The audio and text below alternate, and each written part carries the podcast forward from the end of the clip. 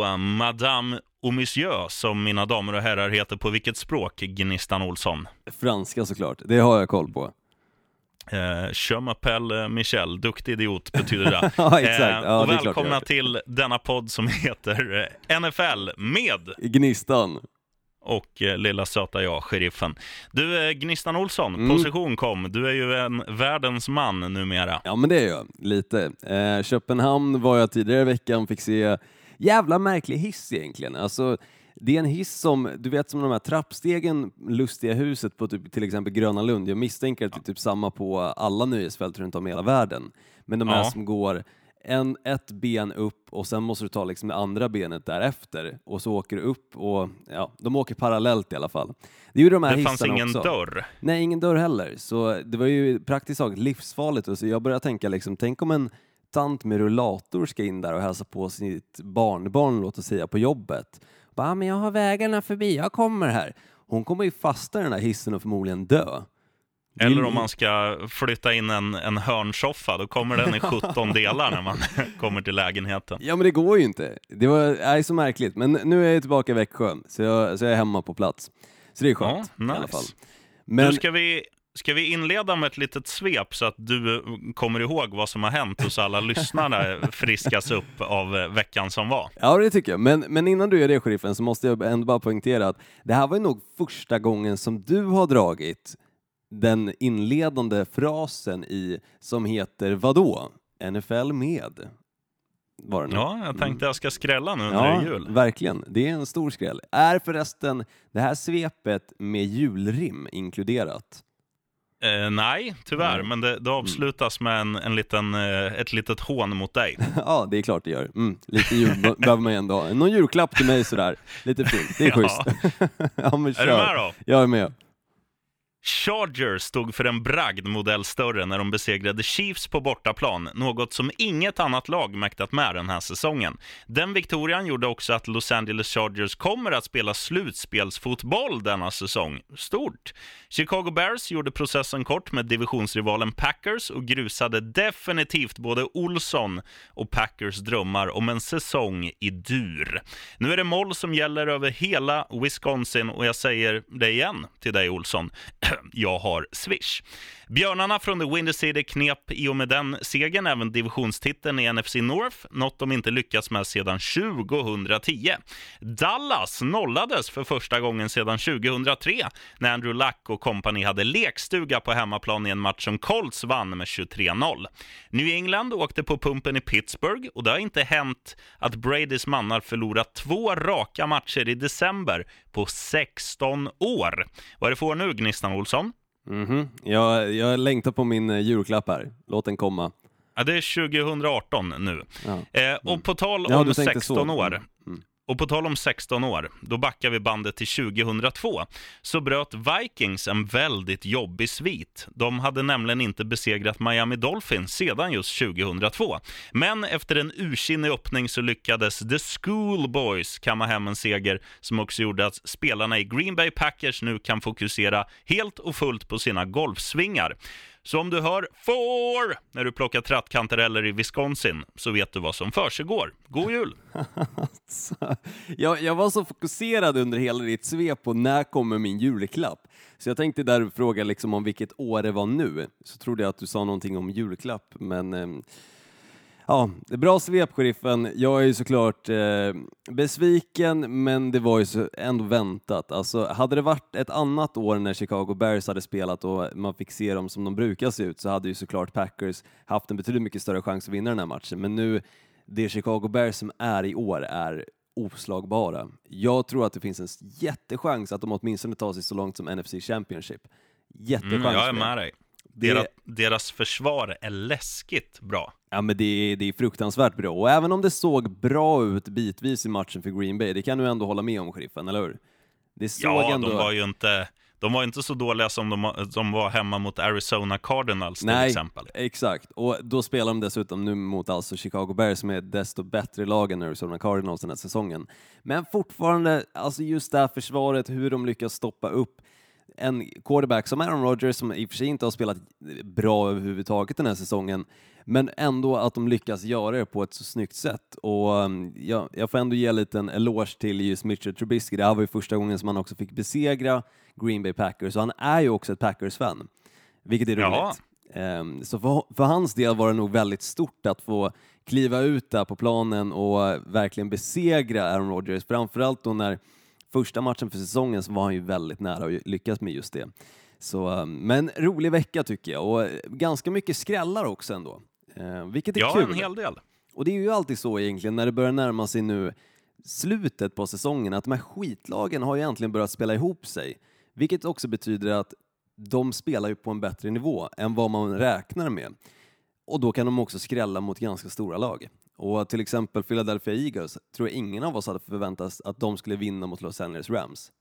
Ja, men det handlar ju mer om underskattning från Rams sida. De, de har ju säkrat en plats eh, när matcherna börjar gälla, alltså i slutspelet, och då blir det lite så här att man, man ställer in skorna. Eh, sen är det ju i Philadelphias fall, som är regerande mästare, de eh, de har gjort en, en riktigt platt säsong och då är ju mm. det någon typ av så här tändvätska från, från tränarhåll tror jag. Att visa nu när vi möter de som är ligans bästa lag i år att vi inte är kattskit. Vi vann i fjol, visa att vi i alla fall kan eh, kan göra bra matcher i år också. Eh, så att det, jag tror bara det handlar om motivation i, i, en sån match. Men det måste ju ändå finnas motivation hos Los Angeles Rams också med tanke på, visst de har säkrat en slutspelsplats, men de har ännu inte säkrat en first round bye. Och det är ju någonting som alla lagen, åtminstone när man vet att det är någonting vi kan nå, som man verkligen vill se till att säkra.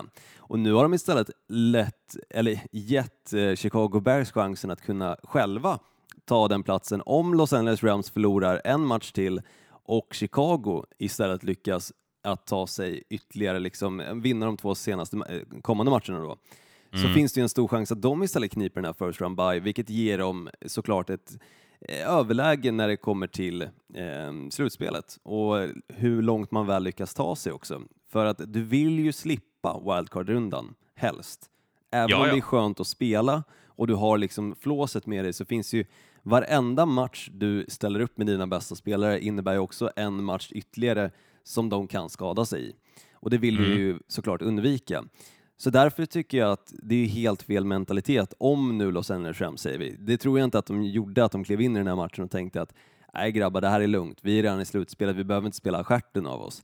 Utan jag tror det bara var att de kommer från en sån plumpmatch mot Chicago Bears, när alltså Jared Goff slängde fyra interceptions och inte mm. riktigt kom tillbaka till den formen som vi har sett de har haft under hela säsongen. Och sen finns det ju inte jättemycket djup heller, tycker jag åtminstone, i laget Los Angeles Rams, utan de har sina toppspelare, sina lite överbetalda toppspelare, sen har de inte jättemycket mer därtill. Så skadar sig någon så har de inte mycket att hämta efter.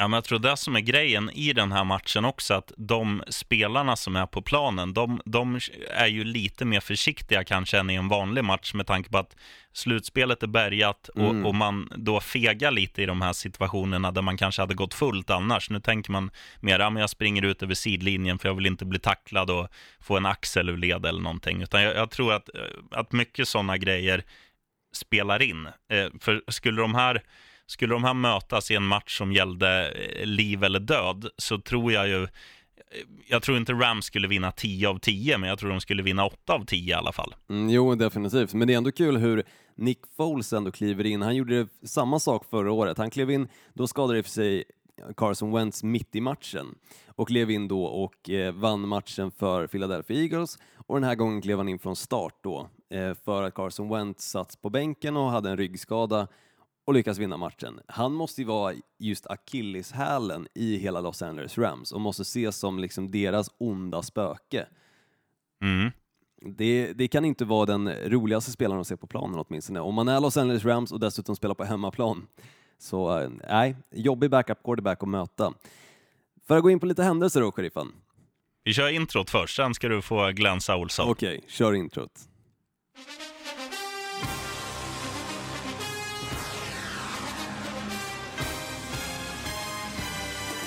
Feel that vibe. I promise y'all, they gonna feel it. We're good. Snakes are out of the way. Oh, we good. We good. Fuck. Oh, he's thrown out of bounds over on the far side, and there's a couple of penalty flags.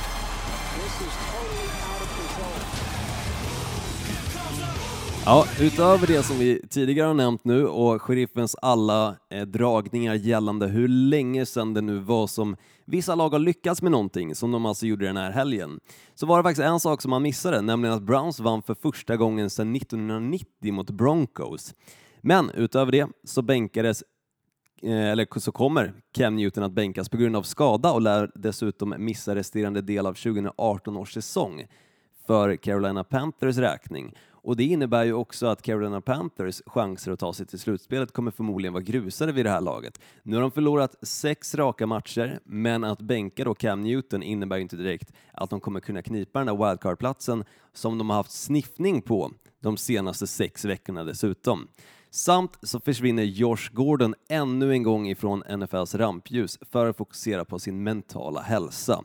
Han kommer alltså inte att spela resten av säsongen för New England Patriots. Ja, vi kan väl sticka in där och säga att det handlar ju om att han än en gång har tagit potenshöjande medel så, som det ryktas om och det, det är ju mm. mot eh, ligans eh, ja, regelverk och, och därav så det låter ju finare än man säger så. Jag ska eh, göra det här för att jag ska fokusera på mig själv. Men han har ju dopat sig om man ska vara, läsa ja. mellan raderna. Igen! Ja, ja, igen. Och jag förstår inte varför. För att när, när man får se Josh Gordon kliva in och vara ren, då spelar han ju på en skitbra nivå. Och även om han kanske spelar snäppet vassare om man har dopat sig, vilket såklart är ju anledningen till varför alla dopar sig, för att man vill spela bättre. Man vill bli bättre på det man håller på med. Men jag förstår inte varför en sån spelare gör det. Det hade varit en helt annan sak om vi säger Dijon Kaiser hade gjort det. För han fattar man. Han, han spelade inte bra förra året och han är backup quarterback och så ska liksom kliva in och kanske försöka spela liksom ett, ett snäpp bättre bara. Men just en spelare som Josh Gordon som ändå har en bra, alltså ett bra spelsätt och lyckas ta sig ifrån sina försvarare. Jag, jag tycker det är helt orimligt varför han håller på så här. Ja, och, fram, och, jag, och framförallt är det ju puckat med tanke på att du får ju, du bryter ju mot ditt kontrakt och då, mm. då gäller ju liksom inte de utopiska summorna som du, du tjänar heller. Eh, eftersom att, nej, nej. eftersom att du, alltså, jag fattar inte hur man inte kan hålla sig från att käka piller för att springa en hundradel snabbare på 100 meter eller lyfta 10 kilo mer i bänkpress. Alltså det är idioti. De har redan tryggat, när de kritar på sina kontrakt, så länge de sköter sig, så är de tryggat ett levande för inte bara sig själva utan släkt och vänner också, att de kan leva loppan i resten av livet ekonomiskt. Ja, alltså det är så jäkla puckat att bete sig så här. Och jag förstår på ett sätt varför liksom han kanske kände att det behövs någonting annat när jag spelar för Cleveland Browns och så som de har sett ut sedan han kom dit. Men att då komma till New England Patriots som varenda år har slutspelsvittring och Super Bowl-vittring dessutom. Va varför inte bara liksom i så fall kalla säsong eller kalla karriären sitt slut efter den här säsongen nu? Och så får han hålla på och dopa bäst fan han vill. Han behöver, kanske inte göra det liksom när det ändå finns en stor chans också att han kan tillsammans med New England Patriots ta sig till slutspel och vinna Super Bowl.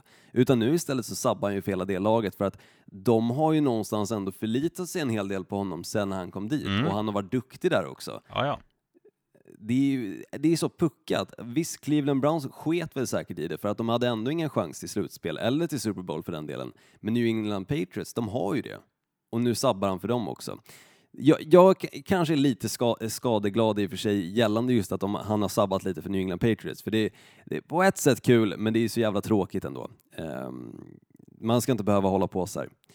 Aj. Dåligt. Nej, så kan vi säga. Då till veckans frågeställningar, sheriffen. Mm. Är du redo? Absolut. Nu när Packers slutspelschanser är då skrotade borde de faktiskt överväga att starta DeShaun Kaiser istället för Rodgers för att ge honom lite speltid och eventuellt kunna trada iväg honom eller bara veta exakt vad han går för i Packers.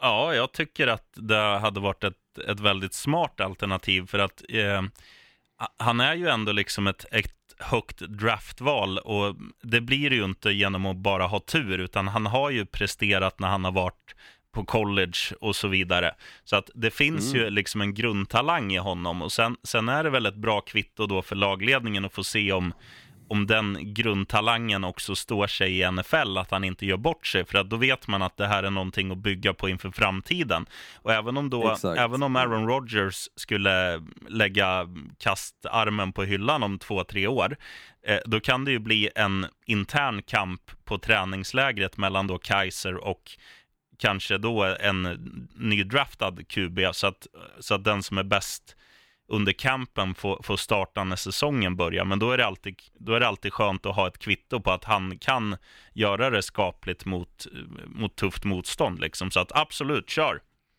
Mm, jag, tycker, jag är inne på samma spår, för att också under försäsongen som oftast är den perioden under eh, liksom en spelares karriär där om du inte har fått chansen kanske under regular season så har du åtminstone chansen att visa upp dig då för att man startar väldigt sällan med sina starters mm. utan man kör sina backups. Men då fick ju inte han riktigt chansen Sean Kaiser utan istället så var det Brett Hundley som de senare tradade iväg till Seattle Seahawks som fick chansen att spela lite. Så jag tycker definitivt, släng in Sean Kaiser, se vad han går för och hoppas på det bästa för att lyckas han göra bra bästa du kan få i den situationen är ju antingen en backup quarterback eller ett högt draftval. Mm. Alltså till exempel andra eller tredje rundan, vilket oftast brukar resultera i en hyfsad spelare. Mm. Så äh, definitivt. Men då till nästa stora fråga. Var kommer Joe Flacco att hamna? Han hade ju kunnat starta i helgens match mot Buccaneers, men istället så fick ju Jackson förtroendet och anfallet har ju faktiskt varit mer produktivt med Lamar Jackson också som bak, bakom centern än vad Joe Flacco har haft det. Säger, så vart kommer Joe Flacco hamna? Jag säger så här, det finns ju en klassisk sägning i, inom sportvärlden att man ändrar aldrig ett vinnande lag. Nu vann ju mm. de i och för sig inte den där matchen när de spelade borta mot Kansas City, men de gjorde det de gjorde det ändå väldigt bra, eh, hela, ja, hela de tog Baltimore. Kansas till övertid. Så, um, och det, det, det är vasst. Och innan dess har väl han vunnit fyra raka matcher, liksom, så att han har ju ändå presterat bra, tycker jag. Och, och då, då känns det konstigt att bänka honom och, och liksom sätta in en kall Joe Flacco som, som har missat en och en halv månads spel. Eh, så att jag, jag förstår att de inte kastar in honom. Sen tror jag att han är så pass ikonisk i Baltimore där han har varit en längre stund. Han har vunnit en Super Bowl, jag tror han trivs i staden och så här. Och jag tror att, att han liksom har inga eh, han har liksom inga utmaningar som, som han behöver ta sig an, så jag tror han skulle vara ganska fin med att vara backup-QB nästa år, sitta och liksom tjabba i omklädningsrummet, sitta på bänken och, och, se och vara liksom som en mentor till, till Jackson istället. Så jag tror, jag tror inte han kommer någonstans, men jag tror att de kommer byta plats i hierarkin. Jag, nej, där, är jag, där är jag, säger jag helt och hållet emot dig, sheriffen, för att om det var en quarterback, det var faktiskt två stycken, som när de fick en ny quarterback i sitt lag, eh, dels Ben Roethlisberger men också Joe Flacco, betedde sig ju i början ganska illa och inte ens hälsade på den nya quarterbacken för att lite markera att det här är mitt revir. Du ska inte få komma hit och tro att du ska ta den positionen som jag har haft i flera år. Jag tror inte att Joe Flacco är nöjd med att sitta på bänken, framförallt inte när han vet att han kan spela och jag tror att han själv kommer att begära, om inte Baltimore gör det självmant, så tror jag att han själv kommer begära att bli flyttad till ett annat lag för att han vill spela. Joe Flacco vill inte sitta på bänken och tjabba i omklädningsrummet, det tror jag inte, för han är ändå idrottsman. Mm. Jag tror att han kommer vilja spela och jag tror att lag som är potentiella för honom kan till exempel vara såklart Jacksonville Jaguars som behöver en spelare som ändå är ganska tråkig av sig men också säker i det han gör. Och det har de inte riktigt just nu i Blake Bortles som är lite överallt och dessutom så har de ju slängt in Cody Kessler nu de senaste matcherna så de har ju ingen riktig quarterback i Jacksonville Jaguars perfekt då att plocka in en snubbe som Joe Flacco, ge honom några år och sen plockar du in en ny eh, quarterback, mm. draftar högt. Eller Giants. Då behöver de ett... Eller Giants för den delen. Då behöver de inte eh, tänka så jättemycket på att drafta just en quarterback högt i draften. Men det tror jag dock att de kommer vilja göra oavsett vad, för att de ser för mycket att Manning är på väg ut för och jag tror inte att de vill gå till en spelare som är nästan lika gammal som Eli Manning, nämligen Joe Flacco. Utan jag tror att de kommer vilja satsa yngre än så och ha en franchise quarterback i flera år framöver snarare än att plocka in då Joe Flacco för en hyfsat hög summa bara i några år för att han ska spela tillsammans med Eli Manning. Det känns orimligt. Mm. Däremot tror jag eh, Jacksonville Jaguars kommer han nog hamna i. Mm. Så, med facit i hand Vilket lag lyckades bäst i de här tre kategorierna? Draften, trades och free agency. Eh, draften, trade och free agency. Då säger jag på det första, alltså draft, säger jag eh, eh Cleveland Browns. Man skulle, mm. även, man skulle även kunna nämna Giants där. Eh, men jag säger Cleveland. Jag tycker att de har hittat sin liksom, viktigaste stöttepelare för framtiden i Mariota. Jag tycker att... Alltså, Mayfield menar du? Ja, förlåt. Jag menar Mayfield. eh, och, och tittar man på det andra de har gjort så är det ju liksom, alltså det är ju bra. De har ju draftat bra senaste två åren, riktigt jävla bra. Mm. Eh, ja, verkligen. Vad var det andra då? Free Agency? Eller, mm, eller, eller var det trades? Kan du börja med. Ja, trades. trades. Då säger jag nog Chicago Bears där, att de har fått in Khalil Mack. Det har gjort liksom att de har gått från ett skitlag till ett skitbra lag. Så, uh... Ja, inte bara han, utan Allen Robinson också. Han som Ja, i och för sig, då kommer vi till eh, Free Agency. Förlåt, sheriffen. Jag tog ett steg före där. Mm. Men eh, han, han, får du inte glömma när du bara nämner Chicago Bears. Han kom in då som Free Agent i från Jacksonville Jaguars och hamnar istället i eh, Chicago Bears och är ju deras nummer ett eh, wide receiver, mm. utan tvivel. Nej, och de, de är absolut ett, eh, ett lag man kan, man kan nämna på free agencyn också. Jag, jag kommer inte på vilka annars jag skulle säga, för de är ju ändå det laget som har gjort den största liksom, transform, transformationen från fjolåret med de nya spelarna de har tagit in. Mm, ja men definitivt. Äh, jag, jag tycker på ett sätt egentligen att just om man tittar på Chicago Bears så, och ser liksom hur, precis som du säger, den här transformationen som de har gjort från det skitlag de var förra året och har varit ganska länge till att helt plötsligt bli en Super Bowl-contender är ju definitivt att alltså, höja upp dem i skyarna och säga att de lyckades bra i alla tre kategorier. Mm. För att de tog ju Raekwon Smith också som har förgyllt försvaret ytterligare tillsammans då med Khalil Mack. Mm. Men det roliga då, om vi, om vi helt byter och så tittar vi istället på de här tre kategorierna med vem lyckades sämst? Ja. Säger du? Uh, ja, nu sitter man ju liksom inte med, med draftfacit på alla vilka som, vilka som valde högt, men uh, uh, jag, jag gör som På spåret. Över till Olsson! Okej, okay, men just när det kommer till draften så så får jag nog ändå säga att de som jag tycker lyckades sämst är faktiskt Tampa Bay Buccaneers. För att de tog en spelare som heter Vita Vey mm. och jag har sett många Buccaneers-matcher den här säsongen men aldrig hört hans namn. Och jag har inte hört heller någon Tampa Bay Buccaneers rookie som har gjort det bra ifrån sig. Så, eh, och det är ändå lite ett kvitto på att om du hör en rookies namn under matchgång så vet du att de åtminstone har lyckats med någonting. Mm. Men när man inte hör en enda gång att de säger ah, rookie from bla bla bla så vet du att okej, okay, det här är bara gamla jävla spelare. Så Tampa Bay Buccaneers tycker jag definitivt slinker in där som en av de som lyckades absolut sämst i draften ja. med just Vita Veid. Jag... Framförallt då han draftades 13 overall tror jag också. Jag skulle väl släng, vilja slänga in två lag som möts eh, kommande vecka som de som har lyckats mm. sämst med sina trader. Det är ju Oakland och det är Denver. För att de har Ja, men titta vad de har gett upp. Ja. Liksom. Det är Amari, ja, Amari Cooper som är jätte, jättebra när han är i Dallas nu. Han var jättebra förra året, men han har inte fått ut någonting i Oakland. De fick ju, ja, de fick väl ett okej okay utbyte, liksom. men jag tycker ändå det, det, är klantigt att tappa en, liksom, kanske framtida eh, Hall of Famer.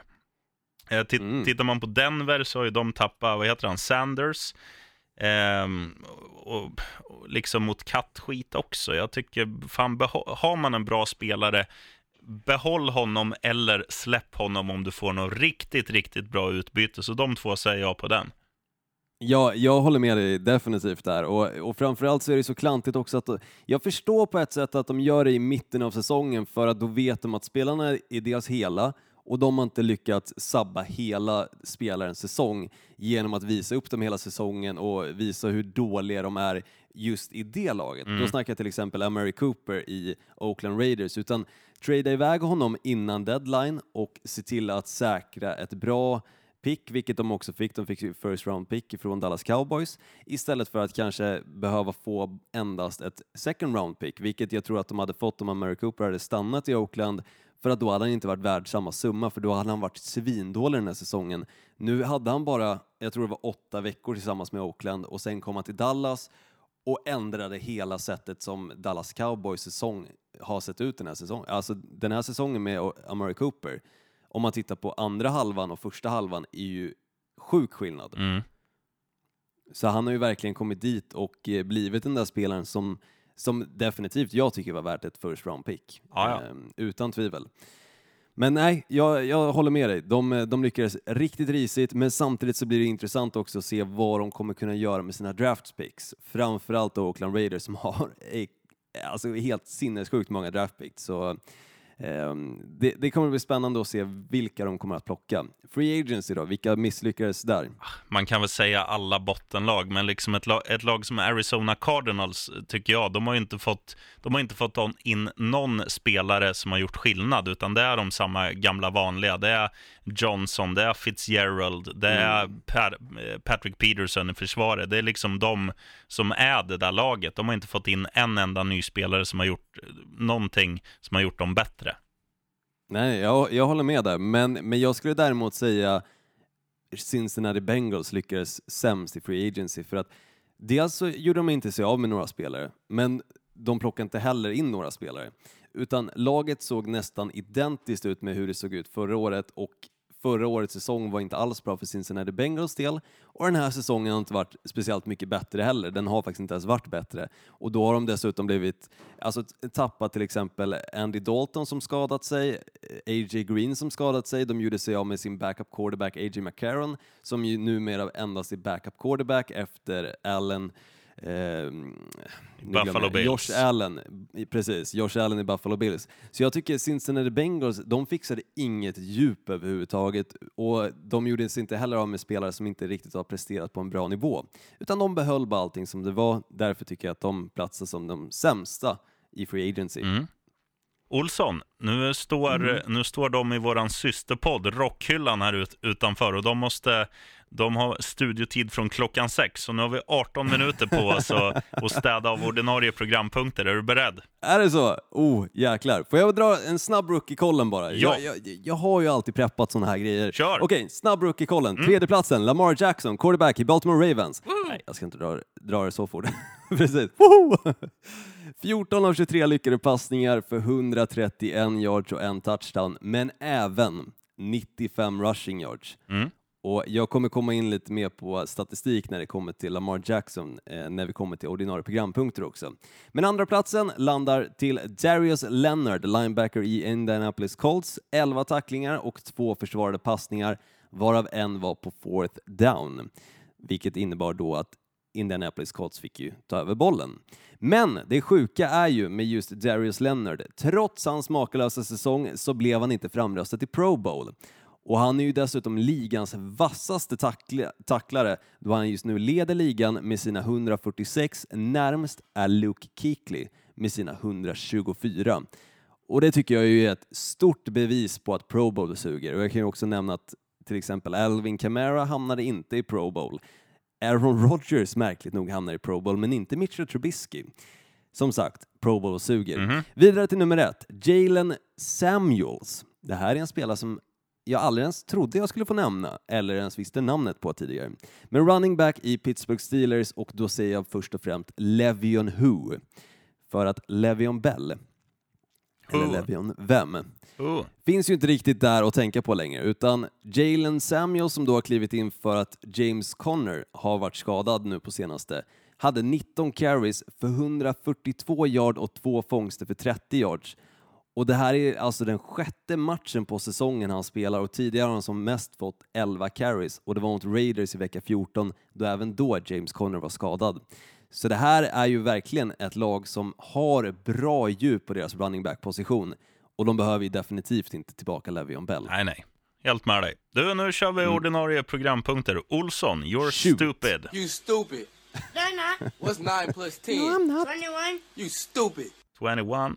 Du, eh, du, får, du får äran att inleda, så ska jag inleda skrällen sen. Men du får ta tjockskallarnas val. Gud vad skönt att du säger det, för att Jag kommer fortsätta lite på det här jag nämnde just med Lamar Jackson och då tar jag Baltimore Ravens borta mot Los Angeles Chargers. Vinner Chargers så är Chiefs, eller och Chiefs då senare förlorar helgens match mot Seahawks, så är ju NFC West en helg närmare att vara just deras. Men det intressanta i den här matchen är inte bara vilken påverkan det har på slutspelet, utan det här kan mycket väl vara matchen som också definierar Joe Flaccos framtid i Ravens. För lyckas Lamar Jackson att besegra Los Angeles Chargers, då tror jag definitivt att den sista spiken är satt i kistan för Joe Flaccos framtid där. Mm. Och samtidigt som den kan ge Philip Rivers ytterligare en skjuts mot hans slutgiltiga mål som han ännu inte uppnått, alltså en Super Bowl. Och Chiefs vann ju på övertid, som jag var inne på, mot Ravens och Chargers vann med fyra sekunder kvar på klockan mot Chiefs. Så jag tror att det här kommer bli en ruggigt tight match. Och Chargers har ju endast vunnit en av sju matcher som har spelats på en lördag. Och den här spelas alltså natten till söndag. Så klockan 20 över två natten till söndag kommer den här matchen att spelas. Och de viktigaste faktorerna i den här matchen kommer ju definitivt vara hur bra Joey Bosa, Ingram och company kan stoppa upp Lamar Jackson och Gus Edwards, som är fjärde respektive femte bästa i antal sprungna yards sedan vecka 11 och att Lamar Jackson måste eliminera sina misstag. Han har gjort för många misstag de senaste matcherna, passat interceptions och framförallt famlat bollen också. Sen är det givetvis avgörande för Chargers att ge Philip Rivers tid i fickan så att hans receivers, som är livsfarliga när tid finns, kan bryta sig loss för de stora spelen. För på de korta passningarna är det inte lika effektivt mot Ravens försvar. Så där har du nyckeln till varför den här matchen, eller nycklarna till varför den här matchen kommer vara tjockskallarnas val. Mm. Själv ser jag fram emot en, en poängfest i helgen och då, då snackar vi New Orleans Saints hemma mot Pittsburgh Steelers.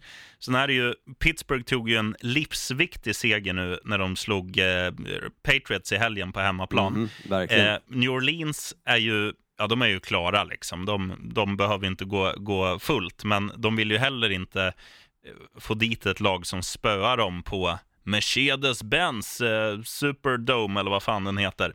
Eh, så att det kommer bli, eh, jag tror det kommer bli en, en, match där vi får se upp mot 60-70 poäng och sånt tycker jag alltid är kul att se på och framförallt så är det ju livsviktigt för gästande Pittsburgh att få med sig en Victoria därifrån så att den ska jag sitta bänkad för. Den, den börjar vid halv elva och perfekt att sitta vaken och, och se en toppmatch. Ja men definitivt och jag tror också den matchen kommer bli eh, rolig och spännande men om nu New Orleans Saints spelar som de har gjort de senaste matcherna ända sedan de mötte Dallas Cowboys så kommer nog de här poängen som du hoppas på, sheriffen, att bli uteslutna. För att till exempel mot eh, Dallas Cowboys så tror jag de fick upp nio poäng och nu senast i helgen så fick de ju alltså upp endast, jag tror det var 16 poäng mot eh, Carolina Panthers och Carolina Panthers försvar är ju inte bra. Nej, men det är också så, så här, Så man, de har ju inte gjort mycket. Det är också det att de gör, vad ska man säga, de, de, gör inte mer än vad de behöver, men mot Pittsburgh tror jag att de behöver lassa upp ett 30-tal poäng för att, för att kunna vinna, så att jag tror att det kommer bli åka av. Rock'n'roll-fotboll, eller Hawaii-fotboll om det finns ett sånt uttryck. Du, nu ska du jag... tror det är nu du tror det är nu, jag måste bara fråga, du tror det är nu som New Orleans Saints anfall kommer tillbaka med andra ord? Ja.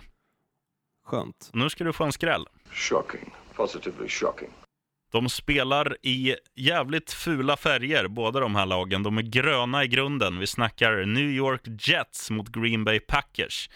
Eh, och, Nej. Jo, men lys lyssna på det här, Gnistan ja. Olsson.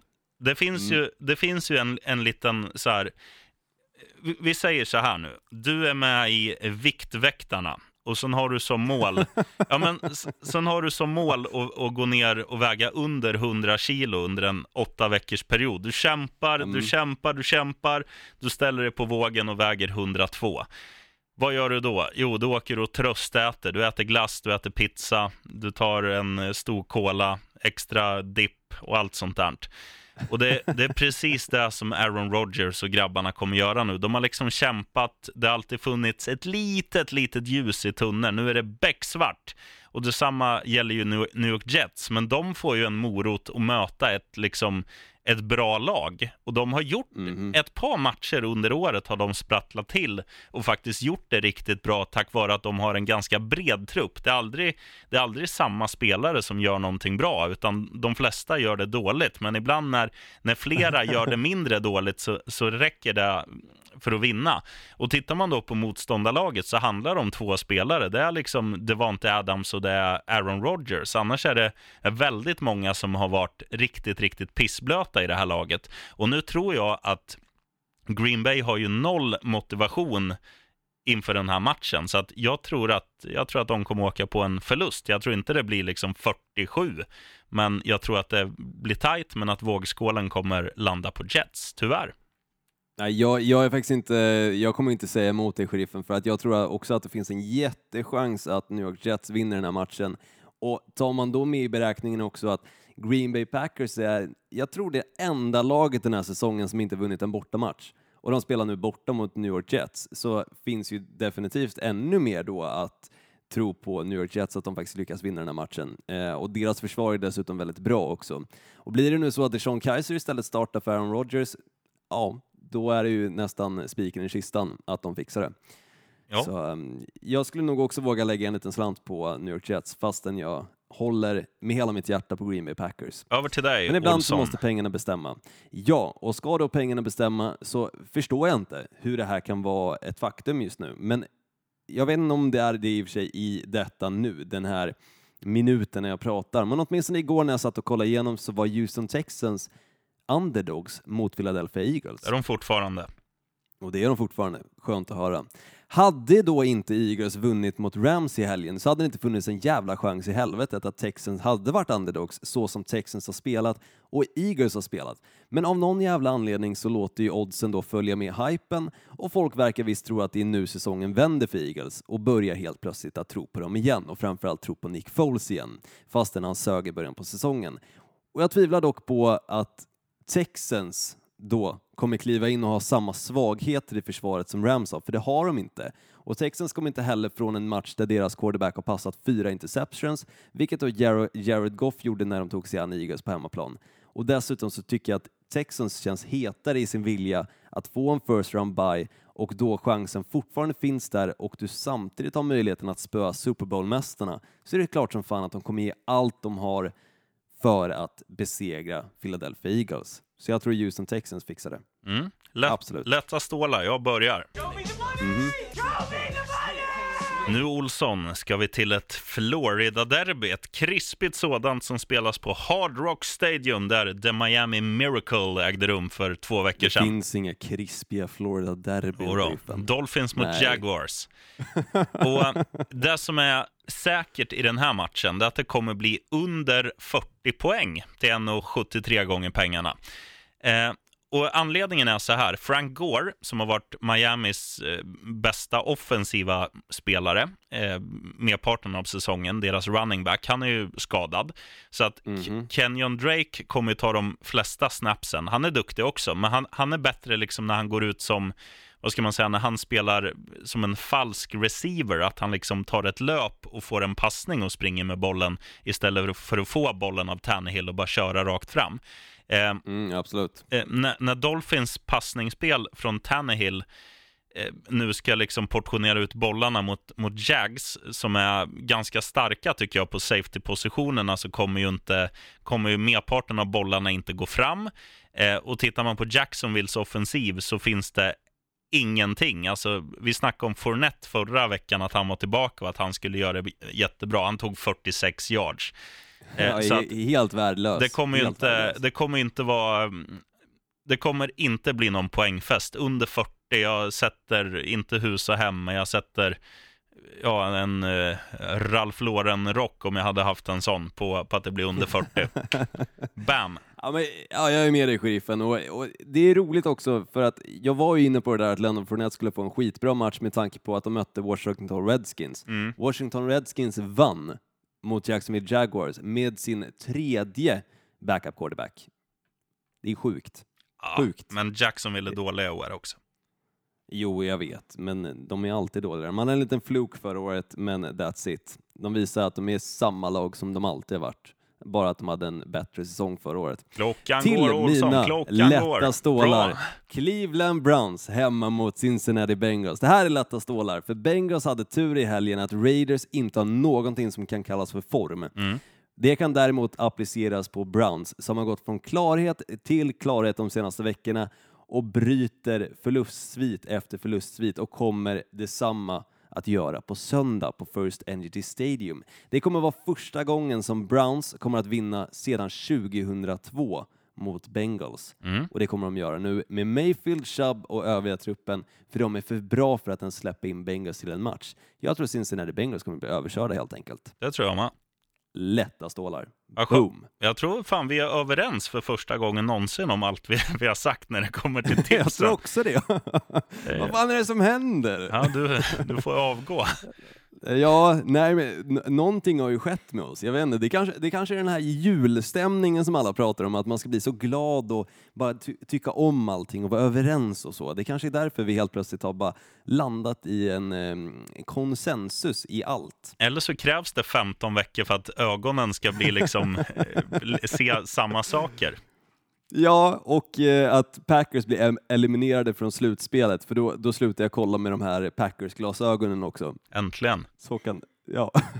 Du, Ska vi eh, köra en liten snabb vem där, sheriffen? ja, absolut. Ja, vem ska man lägga pengarna på som kommer göra en touchdown denna vecka?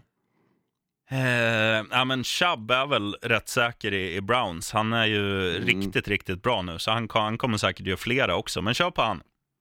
På Chubb och jag säger Amari Cooper såklart i eh, Dallas, Dallas, Cowboys. Cowgirls. Ja, de hade en skitmatch nu i helgen mot Indianapolis Colts, men jag tror att Dallas kommer komma tillbaka och Amari, Amari Cooper kommer definitivt fixa en touchdown för att de kommer inte vilja ha mindre än 20 poäng upp på den där tavlan efter det som vi fick se gångna helgen. Nej. Så, vem ska man lägga pengarna på som kommer ha över 220 passing yards? Och varför jag säger bara 220 passing yards är för att de senaste veckorna har det varit väldigt lite passing yards om man då bortser från Patrick Mahomes som Mm. alltid ligger över 350 någonting. Men alla andra har legat ganska lågt så därför kör jag bara snittet på 220. Ja, äh, men? Andrew Luck kommer ju, kommer ju kasta upp i alla fall 300 på tavlan mot New York Giants som, som kommer till spel eh, ja, egentligen bara med ett springspel nu när de saknar Odell Beckham Jr. Så att de, det kommer vara mycket boll på Indianapolis Colts. De använder sig inte av så mycket springspel utan mer liksom eh, Ja, och, han, och han är inte den här som kastar liksom små passningar heller, utan när, han, när de väl går fram så är det ju 20, 30, 40 yards, så att det kommer att rassla på Andrew Lucks konto. Ja, det finns ju faktiskt en chans att Odell Beckham Jr kommer att spela den här helgen. Men, men oavsett om han spelar eller inte så tror jag att eh, Andrew Luck kommer fixa biffen och jag säger den som kommer över 220 från mitt håll är Baker Mayfield. Han tror jag också kommer fixa det mot Cincinnati Bengals. Ja, ja. Så, vidare till vem ska man lägga pengarna som kommer ha över 80 receiving eller rushing yards? Ehm, ja, då väljer nog jag att säga Michael Thomas i eh, New Orleans Saints, för att han har ju varit väldigt stabil i år. Han har varit deras överlägset bästa receiver. Och som jag var, Mm, inne på eh, som jag var inne på lite förut, att jag tror ju att Pittsburgh kommer bjuda upp till dans, så att New Orleans kommer vara lite på hugget och eh, framförallt Drew Brees då kommer att, att leta väldigt mycket efter Thomas, för det är hans go-to-target när det ska göras stora spel. Eh, det räcker med två eller tre för att han ska komma upp mot 70-80 yards och jag tror att han kommer få han kommer få väldigt mycket boll och kommer komma upp i höga yards-summor. Mm. Jag kommer faktiskt gå in på en spelare som vi inte har pratat jättemycket om och lite förbisett skulle jag nog säga, Marlon Mack i Indianapolis Colts, alltså deras running back. Mm. Han tror jag kommer fixa över 80 ru- rushing yards för han har sprungit väldigt bra de gångna veckorna och jag tror han kommer göra detsamma nu mot New York Giants då. Ehm, och det kommer vara kul att se. Mm. Marlon Mack alltså, ska du lägga pengarna på för det. Och över då till Bold Prediction. Har du någon fin, sheriffen? Ehm, jag har ju ett par, men alltså det vore kul att säga... Ja, det vore kul att ha någon riktigt så här som sticker i ögonen på folk. Mm, jag Eh. har en som kommer sticka i ögonen åtminstone på en person. Ja, du får om, börja då. Om den, här, om den här sitter, min bold prediction, så, så kommer Emil Ankan Kuken Knutsson att inte vara speciellt nöjd. Mm. Jag säger att Cardinals, visst de förlorar fortfarande, men jag säger Cardinals förlorar med mindre än en touchdown mot Rams och Jared Goff har minst två interceptions kastade. Mm, ja, den, är- den är vågad. Då säger jag så här då, att eh, den som startar som quarterback i Carolina Panthers eh, kommer ha under 130 passing yards. Typ standard för Lamar Jackson nästan. Åh, oh, men nu snackar vi Carolina. Ja, men Ja, sä, ja. Säg under 100 då. Det, är ju, Under 100. det sticker i Oh, ögonen. Det sticker i ögonen, Mm. det gör det. Definitivt. Mm, Bra, det blir spännande. Jag hoppas att min ball prediction sitter, för det hade varit kul att se Emilis ansiktsuttryck. Nu kommer jag inte vara hemma hos honom och se det, men, men eh, jag, jag önskar att någon åtminstone är där och kan bara upp, få uppleva den här chocken i hans ögon. Där ringde klockan, Olsson. Mhm. Och eh, där var vi klara också. Ja, det var det Bra och jag menar. effektivt. Riktigt Så. bra. Du, en Ja. sista grej till både dig och alla som lyssnar. God jävla jul! God fucking jul! Och eh, nästa vecka så kommer vi ju vara i Stockholm båda två. Mm. Så då kör vi från studion och det blir alltid lite trevligare. Och då, Och få se varandra. Ja, för, för mig är det trevligare i alla fall. Och sen, och sen får man Ja, det säga, sant. för, de, för de som inte lyssnar då, säger vi väl grått nytt hår redan nu också då. Ja, men det gör vi. Gott nytt år och framförallt god fucking jul. Och den här, den här gången kommer jag inte avsluta med att säga Go Packers, så du kan få köra din Miami Dolphins om du vill, sheriffen. Miami has the Dolphins, the greatest football team. Så, god jul!